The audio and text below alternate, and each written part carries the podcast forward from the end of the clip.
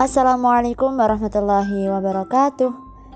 Uh, perkenalkan, nama saya Akia Gidamhaya dari Banawa Sekar Akademia kelas 1. Uh, eh, kali ini saya akan membawakan tentang buku yang berjudul Semua Murid, Semua Guru versi yang kedua. Karyanya Mbak Najla Sihab. Uh, pasti teman-teman gak asing nih dengan nama Najla Sihab yang mana ada embel-embel Sihab di belakangnya. Nah, benar sekali. Mbak Najla Shihab ini adalah putri sulung dari Abi Quraish Shihab. Uh, beliau menuliskan buku yang berjudul Semua Murid, Semua Guru uh, bukan tanpa alasan karena uh, latar belakang dari penulisan ini ialah keresahan yang dirasakan oleh Mbak Najla atas pendidikan Indonesia yang berada dalam kegawat daruratan. Kita tahu bahwasanya di Indonesia ini murid-murid uh, atau maupun uh, remaja dan dewasa pada umumnya itu um, kurang perhatian akan yang namanya pendidikan. Beliau uh, khususnya orang tua murid itu menganggap bahwasanya pendidikan terpenting berada semuanya ada di pundak guru. Tetapi pada dasarnya yang namanya pendidikan itu ditanggung oleh semua pihak uh, lancarnya, suksesnya pendidikan itu uh, berada di semua tanggungan aspek siapa pun yang berada di sekitar murid tadi. Entah itu lingkungannya, keluarga, maupun pemerintah. Nah, di sisi lain ada juga keresahan yang membuat Najla bersemangat untuk melanjutkan, merampungkan buku semua murid semua guru. Bahkan sampai ada yang sesi duanya, yang maksud saya yang jilid kedua. Jadi buku ini tidak hanya uh, terbit dalam satu series, melainkan ada dua series. Nah, keresahan apa sih selanjutnya? Uh, Mbak Najla me melihat bahwasanya terdapat pemandangan yang mana saling menyalahkan antara berbagai pihak khususnya di lingkup pendidikan, seperti pihak pemerintah menganggap guru e, malas mengembangkan idenya atau metode belajar sehingga si murid tadi malas, ataupun merasa monoton di kelas e, jika si guru tadi tidak diberi upah sebagai imbalannya. Jadi begini, anggapan pemerintah itu guru itu nggak bakal berjalan lancar, guru itu nggak bakal apa ya bekerja secara maksimal jika tanpa diberi upah. Padahal uh, beberapa kita temui bahwasanya banyak relawan, banyak pemuda yang mendirikan ataupun berbagi uh, ilmunya melalui entah itu ikut volunteer, campaign ataupun yang lainnya. Beliau di sana uh, si remaja tadi ataupun pemuda-pemuda tadi mengajarkan uh, menularkan ilmunya kepada anak-anak, entah itu anak-anak jalanan ataupun anak-anak di sekitar lingkungan mereka. Nah, ini kesal uh, apa ya? Pemandangan yang saling menyalahkan di versi pemerintah. Sekarang kita geser ke versi yang guru. Setelah pemerintah menyalahkan guru, guru pun kadang menyalahkan pemerintah. Kenapa demikian? uh, banyak guru yang merasakan bahwasanya oh di sekolah saya itu masih tertinggal akan eh, daerah-daerah lain karena entah itu suplai bukunya yang kurang ataupun apa ya, teknologi yang kurang mendukung terus akses akses internetnya yang jelek sehingga uh, manakala si guru ingin mm, menambah wawasan anak melalui media sosial ataupun hiburan dan video audio secara yang memakai teknologi itu kurang mendukung. Nah, ini sudah menjadi apa ya, saling salah menyalahkan. Di samping itu, guru juga menyalahkan kepada orang tua murid. Guru menduga bahwasanya si murid ini kalau muridnya tuh kurang pintar, berarti di rumah dia nggak diberi bekal dasar oleh orang-orang tuanya. Entah itu pemberian bekal melalui apa ya uh, membaca kalau nggak gitu menulis. Jadi dibiasakan dari kecil untuk belajar demikian gitu enggak jadi hal ini memperlambat menghambat kegiatan belajar mengajar di kelas. Nah yang terakhir ini terjadi dari si orang tua murid. Orang tua murid tadi yang seperti yang saya katakan di awal bahwasanya orang tua murid itu menyalahkan guru.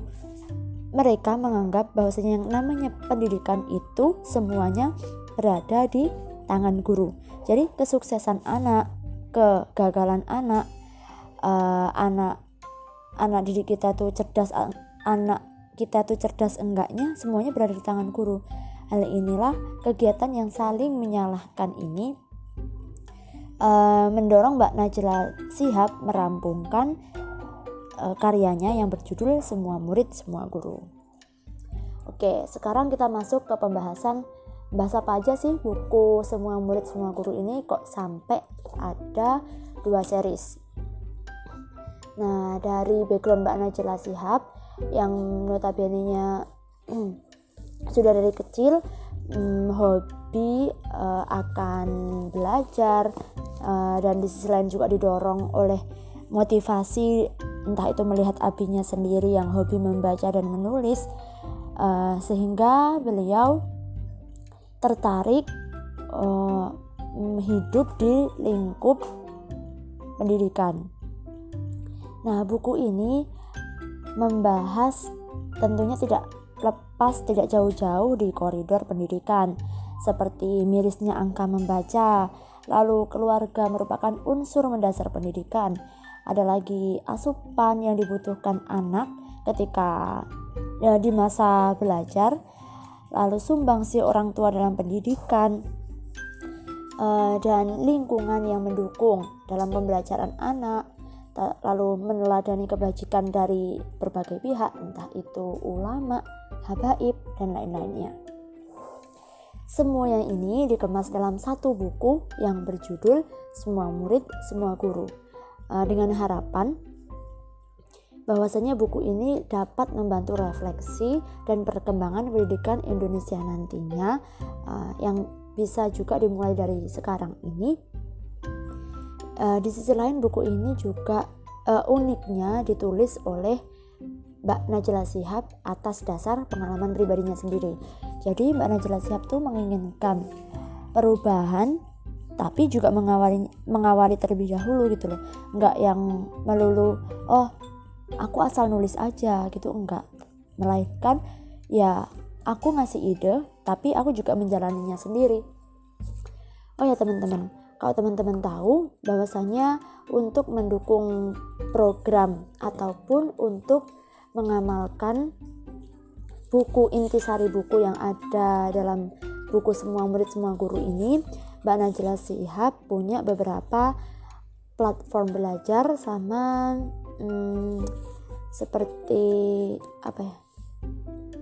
Kayak uh, inisiatif-inisiatif supaya pendidikan Indonesia ini tidak berada di titik yang terlalu lemah.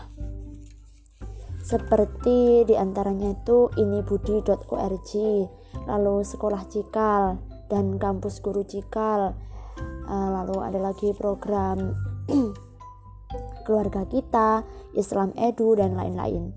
Uh, kalau yang mungkin teman-teman gak asing nih ya namanya itu sekolah cikal. Apa sih sekolah cikal itu terus apa bedanya cikal dengan sekolah-sekolah yang lainnya jadi cikal ini adalah komunitas pelajar yang mana berkomitmen untuk membuat perubahan dengan menumbuh kembangkan kompetensi. Terus uh, istimewanya dari Cikal ini adalah yang pertama, sekolah ini harus mapan, diharapkan mapan secara emosional, moral dan spiritual. Spiritual. Di sisi lain, yang berada di sekolah Cikal ini diharapkan menjadi sesosok pelajar yang mandiri, berwawasan luas, dan berpikir sehat. Di samping itu, juga pikirannya tuh harus terlatih dan efektif, serta nantinya bisa diharapkan oleh anggota masyarakat untuk keberlanjutan dan kedamaian dunia. Hal ini tentu berbeda dengan sekolah yang pada umumnya. Uh, berbeda pula dengan sekolah unggulan ataupun sekolah favorit yang kita kenal. Karena apa? Uh, mendidik anak sampai memenuhi kriteria 5 yang disebutkan oleh Mbak Najla Sihab tadi tentu terdapat apa ya kekurangan uh, apa yang namanya kesulitannya tersendiri tantangannya tersendiri nah hal ini membuat semangat Mbak Najla dalam berkutat di dunia pendidikan. Oke, ada lagi nih. Oh ya, pasti teman-teman apa ya bertanya-tanya. Uh, lantas bagaimana sih pendidikan yang ideal menurut Mbak Najla itu? Uh, jawabannya terdapat dalam pembahasan di pertengahan awal di buku ini, yakni pendidikan yang ideal setelah kurang lebih Indonesia merdeka 77 tahun ya, merdeka dari penjajahan.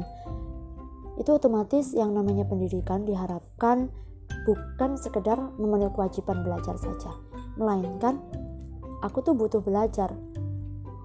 Aku tuh belajar untuk bisa, bukan kok sekedar uh, menggugurkan kewajiban saja. Nah, jadi intinya pendidikan bela uh, pendidikan yang ideal menurut Mbak Najla Sihab ialah merdeka belajar, bukan wajib, bukan sekedar wajib belajar. Tentu dari kata-kata ini terdapat pemahaman yang berbeda. Yang namanya wajib belajar, kalau kita nggak belajar otomatis ada nih punishment tersendiri. Kalau nggak gitu nanti ada apa ya kayak mungkin ancaman ataupun tekanan dari orang tua Se seumpama anggap saja kita belajar ah, hari ini hari Senin aku wajib masuk sekolah itu orang tua menekan untuk ayo kamu harus sekolah kamu harus berangkat kamu harus uh, pulang jam 12 begini begini begini. Tetapi berbeda kalau udah tumbuh di uh, benak masing-masing siswa pemikiran masing-masing siswa bahwasanya aku itu berangkat sekolah karena aku masih bodoh karena ilmuku masih sangat kurang. Jadi aku harus berangkat sekolah karena aku butuh ilmu. Itu berbeda lagi dengan yang ditekan karena kewajiban. Nah, e, gimana saja nih supaya e, sampai di titik sampai di titik waj, e, merdeka belajar bukan sekedar wajib belajar. Yang pertama, antara guru e, dan sesama pengajar yang lainnya itu harus saling meningkatkan kompeten, kompetensinya terlebih dahulu. Terus karir pendidikannya harus dilambungkan terlebih dahulu. Uh, jangan sekedar puas. Oke, okay, sekolahku di sini-sini aja, sekolahku stuck sampai ini aja. Enggak. Harus sesama pengajar entah itu guru maupun tenaga pengajar sukarelawan yang saya sebutkan di awal itu harus saling memberi semangat bahwasanya kita itu juga berperan dalam kemajuan pendidikan di Indonesia seperti itu. Kalau udah, kalau udah saling support, uh, kompeten kompetensinya meningkat, karir pendidikannya bagus, otomatis uh, semangatnya tuh akan menular, ide-idenya, ide cemerlangnya tuh akan menular, nantinya diterapkan kepada anak didik kita. Oke, yang kedua, murid yang sukses tidak sekedar baik dalam hafalan dan terampil, melainkan berbudi baik serta mampu berkontribusi dalam keberlanjutan dunia. Maksudnya gimana nih? Jadi kalau kita tahu murid itu ada yang dari kelas 1 SD sampai kelas 6 ataupun nanti dilanjutkan lagi pas SMP dia itu berprestasi. Juara satu terus hafalannya baik terus tingkat uh, kedisiplinan kedisiplinannya bagus. Dia apa ya intinya dalam akademik tuh dia nggak diragukan lagi. Tetapi dalam hal yang lainnya ya di sisi keterampilan di sisi mungkin ekstrakurikulernya lah ya itu kurang. Nah, di sini yang sangat disayangkan karena apa? Kebutuhan dunia ini nantinya 20 tahun, 50 tahun yang akan datang tidak berpatokan atas kuatnya hafalan seseorang saja. Melainkan kita itu harus mengikuti arus kemajuan teknologi mengimbangi lah istilahnya bukan sekedar mengikuti saja. Mengimbangi bagaimana saya bisa hidup di masa sekarang dan masa yang akan datang. Kalau saya bisa hidup di masa sekarang dengan kompetensi yang saya punya dengan apa ya modal dasar yang saya punya tetapi nantinya saya juga harus mengikuti di masa yang akan datang. Nggak nggak melulu kita tuh pinter pinter pinter pinter aja tuh nggak nggak penting. Tapi keterampilan pun skillnya pun juga harus diasah. Di samping itu juga kita sebagai murid harus memberikan menularkan ilmu yang kita punya supaya sesama murid sesama pelajar uh, bisa saling support juga iya. Lalu skala pendidikan di Indonesia bisa lebih baik juga. Nah, yang ketiga, setelah datang dari guru, murid, lalu yang ketiga ini datang dari pemerintah. Pemerintah diharapkan bisa mempercepat pencapaian mutu, memastikan kesetaraan pendidikan di Indonesia tanpa memandang di mana daerah itu berada, tanpa memperdulikan apa ya tanpa uh, menyekat-nyekat dengan adanya kesenjangan antar daerah. Nah ini sulit sampai sekarang pun uh, saya rasa masih jauh dari kata pendidikan antar daerah itu setara. Karena apa? Di kota-kota besar mereka sudah uh, explore, mereka sudah mencoba hal-hal baru dengan adanya kurikulum 2013 lalu naik lagi kurikulum apa kurikulum apa itu di kota-kota besar udah diterapkan seperti itu. Tetapi di kabupaten kecil ataupun kota-kota yang daerah terpelosok lainnya mereka masih mencoba masih berkutat dengan pembelajaran yang mana masih dasar banget seperti masih mengajari cara membaca, cara menulis, gitu mereka masih jauh dari kata kurikulum 2013 yang mengindahkan yang lebih mengunggulkan akan uh, adab akhlak moral dan lain sebagainya. Jadi kalau intinya yang di kota besar itu mereka sudah sampai di titik pembenahan moral tetapi di kampung kecil di daerah terpelosok mereka masih meraba yang namanya membaca. Itu jelas kesenjangannya terlihat banget. Nah, yang keempat ada lagi pengasuhan dari orang tua. Dengan dasar jalinan keluarga yang harmonis, diharapkan memberikan semangat belajar kepada anak didik mereka. Dan yang terakhir, yang kelima itu lingkungan. Lingkungan juga bisa mendukung uh, proses uh, bukan in, lingkungan juga bisa mendukung yang namanya titik terwujudnya impian terwujudnya merdeka belajar bukan sekedar wajib belajar. Gimana caranya lingkungan mendukung?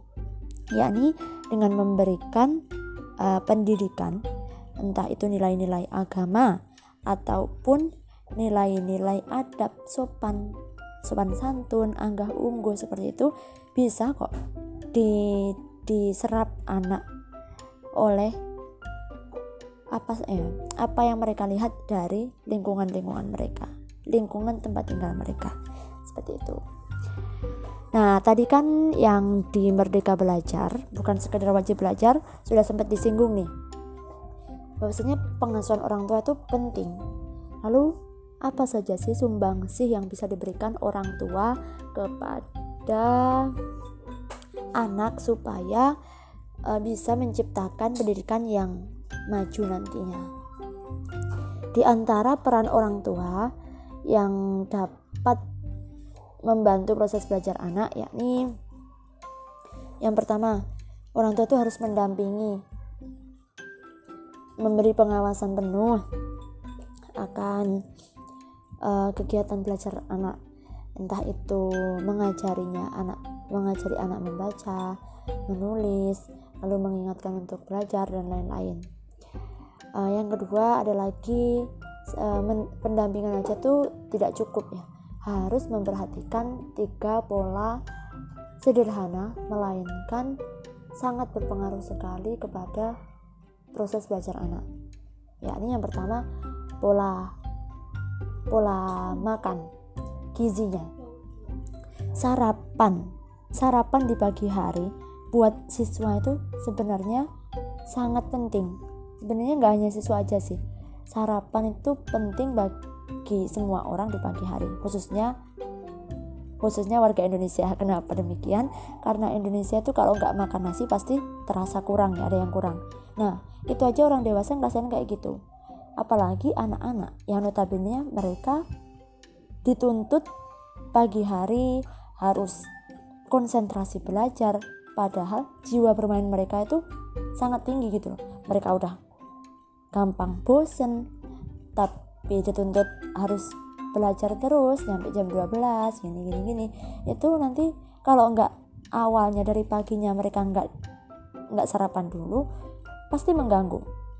Ganggunya apa? Nanti kalau udah nyampe sekolah ya mereka nggak konsen lah uh, terus gampang ngantuk dan lain sebagainya maka dari itu un, uh, pesan untuk orang tua perhatikan gizi dan makanan yang masuk ke dalam uh, anak-anak kita.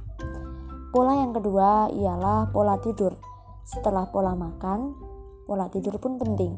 Apalagi sekarang ini nih kita, sekalipun kita tahu ya kalau anak kita udah aman anak kita nggak keluar rumah uh, setelah jam sholat isya. Jadi sholat isya itu anak-anak kita udah udah di rumah semua udah aman. Tetapi kita kan nggak tahu kalau mereka jam 9 masuk kamar anggap saja.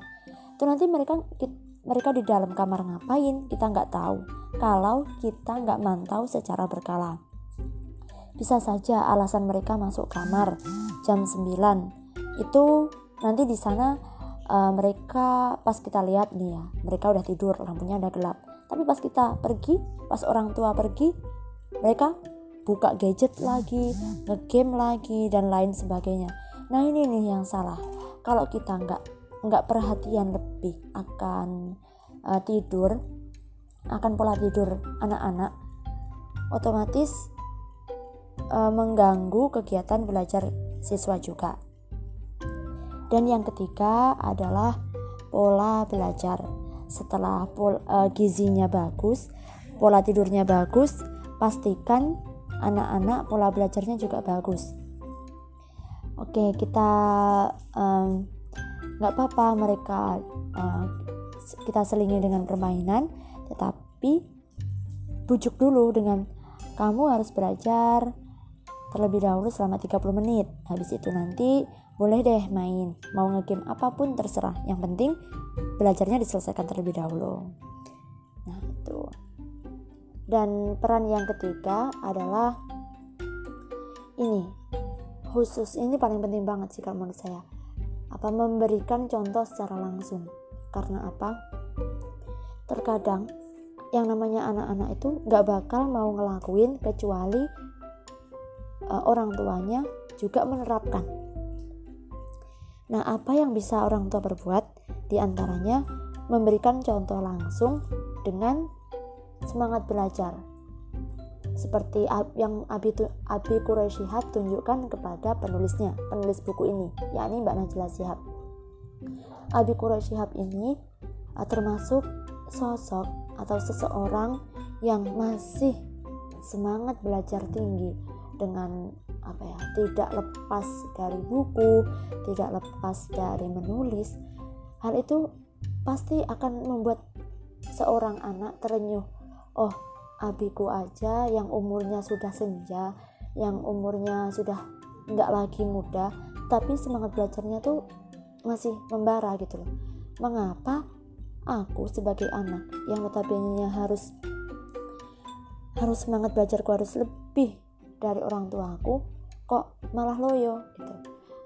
Jadi orang tua yang entah itu kalau seumpama ya orang tuanya tadi nggak bisa membaca ataupun tidak hobi menulis setidaknya uh, rasa semangat belajarnya itu bisa tunjukkan dengan uh, hobi melihat atau mengikuti kajian lalu melihat tayangan-tayangan yang bermanfaat itu menurut saya bisa tuh yang namanya menularkan sinergi semangat kepada anak-anaknya. Nah, yang terakhir uh, pesan kesan saya setelah membaca buku semua murid semua guru ini, saya semakin sadar bahwasanya yang namanya pendidikan itu penting uh, sistem pendidikan di Indonesia kita sekarang ini sebenarnya masih jauh dari kata sudah bagus. Bahkan bisa dibilang masih jauh pula dengan dari kata bagus. Oleh sebab itu, sebagai pemuda, uh, saya mengajak teman-teman saya, juga mengajak diri saya sendiri untuk mengawali bergerak demi kemajuan pendidikan di Indonesia dengan cara apa? Kita mengepush, kita menekan diri kita sendiri untuk selalu belajar. Supaya apa? Setelah kita apa ya, menerapkan yang namanya rasa disiplin, rasa rajin belajar, itu nanti uh, ke depannya akan membentuk pola kebiasaan baru sehingga terciptalah yang namanya merdeka belajar kita akan tahu gitu loh. Kalau artinya merdeka belajar bukan sekadar wajib belajar itu kita akan tahu setelah kita mencicipi dalamnya ilmu pengetahuan. Kalau kita terima sampai situ-situ aja kita nggak akan puas. Kita nggak apa ya namanya kita bakal ya udah wes terima aja gitu. Maka dari itu belajar tidak mengenal usia. Di sisi lain, uh, apa ya, bersyukur juga manakala sudah mengepush diri kita sendiri untuk terus belajar. Syukur-syukur kita bisa mengajak orang lain, entah itu membentuk suatu komunitas ataupun menjadi guru yang intinya berkecimpung di dunia pendidikan dan menularkan uh, makna menur menularkan artian bahwasanya saya itu bisa belajar dari Anda sebagai murid dan Anda bisa belajar dari saya sebagai guru. Uh, inilah intisari yang saya tangkap dari semua murid, semua guru series yang kedua. Oke, mungkin itu saja dari saya, teman-teman. Apabila ada kurang lebihnya, uh, saya pribadi mohon maaf dan masih tentunya masih perlu banyak belajar lagi. Oke okay, see you next time. Kita akan bahas buku lebih lanjut buku-buku dengan judul yang berbeda. Pantengin saja podcastnya Banawa Sekar Akademia. Oke terima kasih banyak atas perhatiannya. Mohon maaf atas kekurangannya. Akhir kata wassalamualaikum warahmatullahi wabarakatuh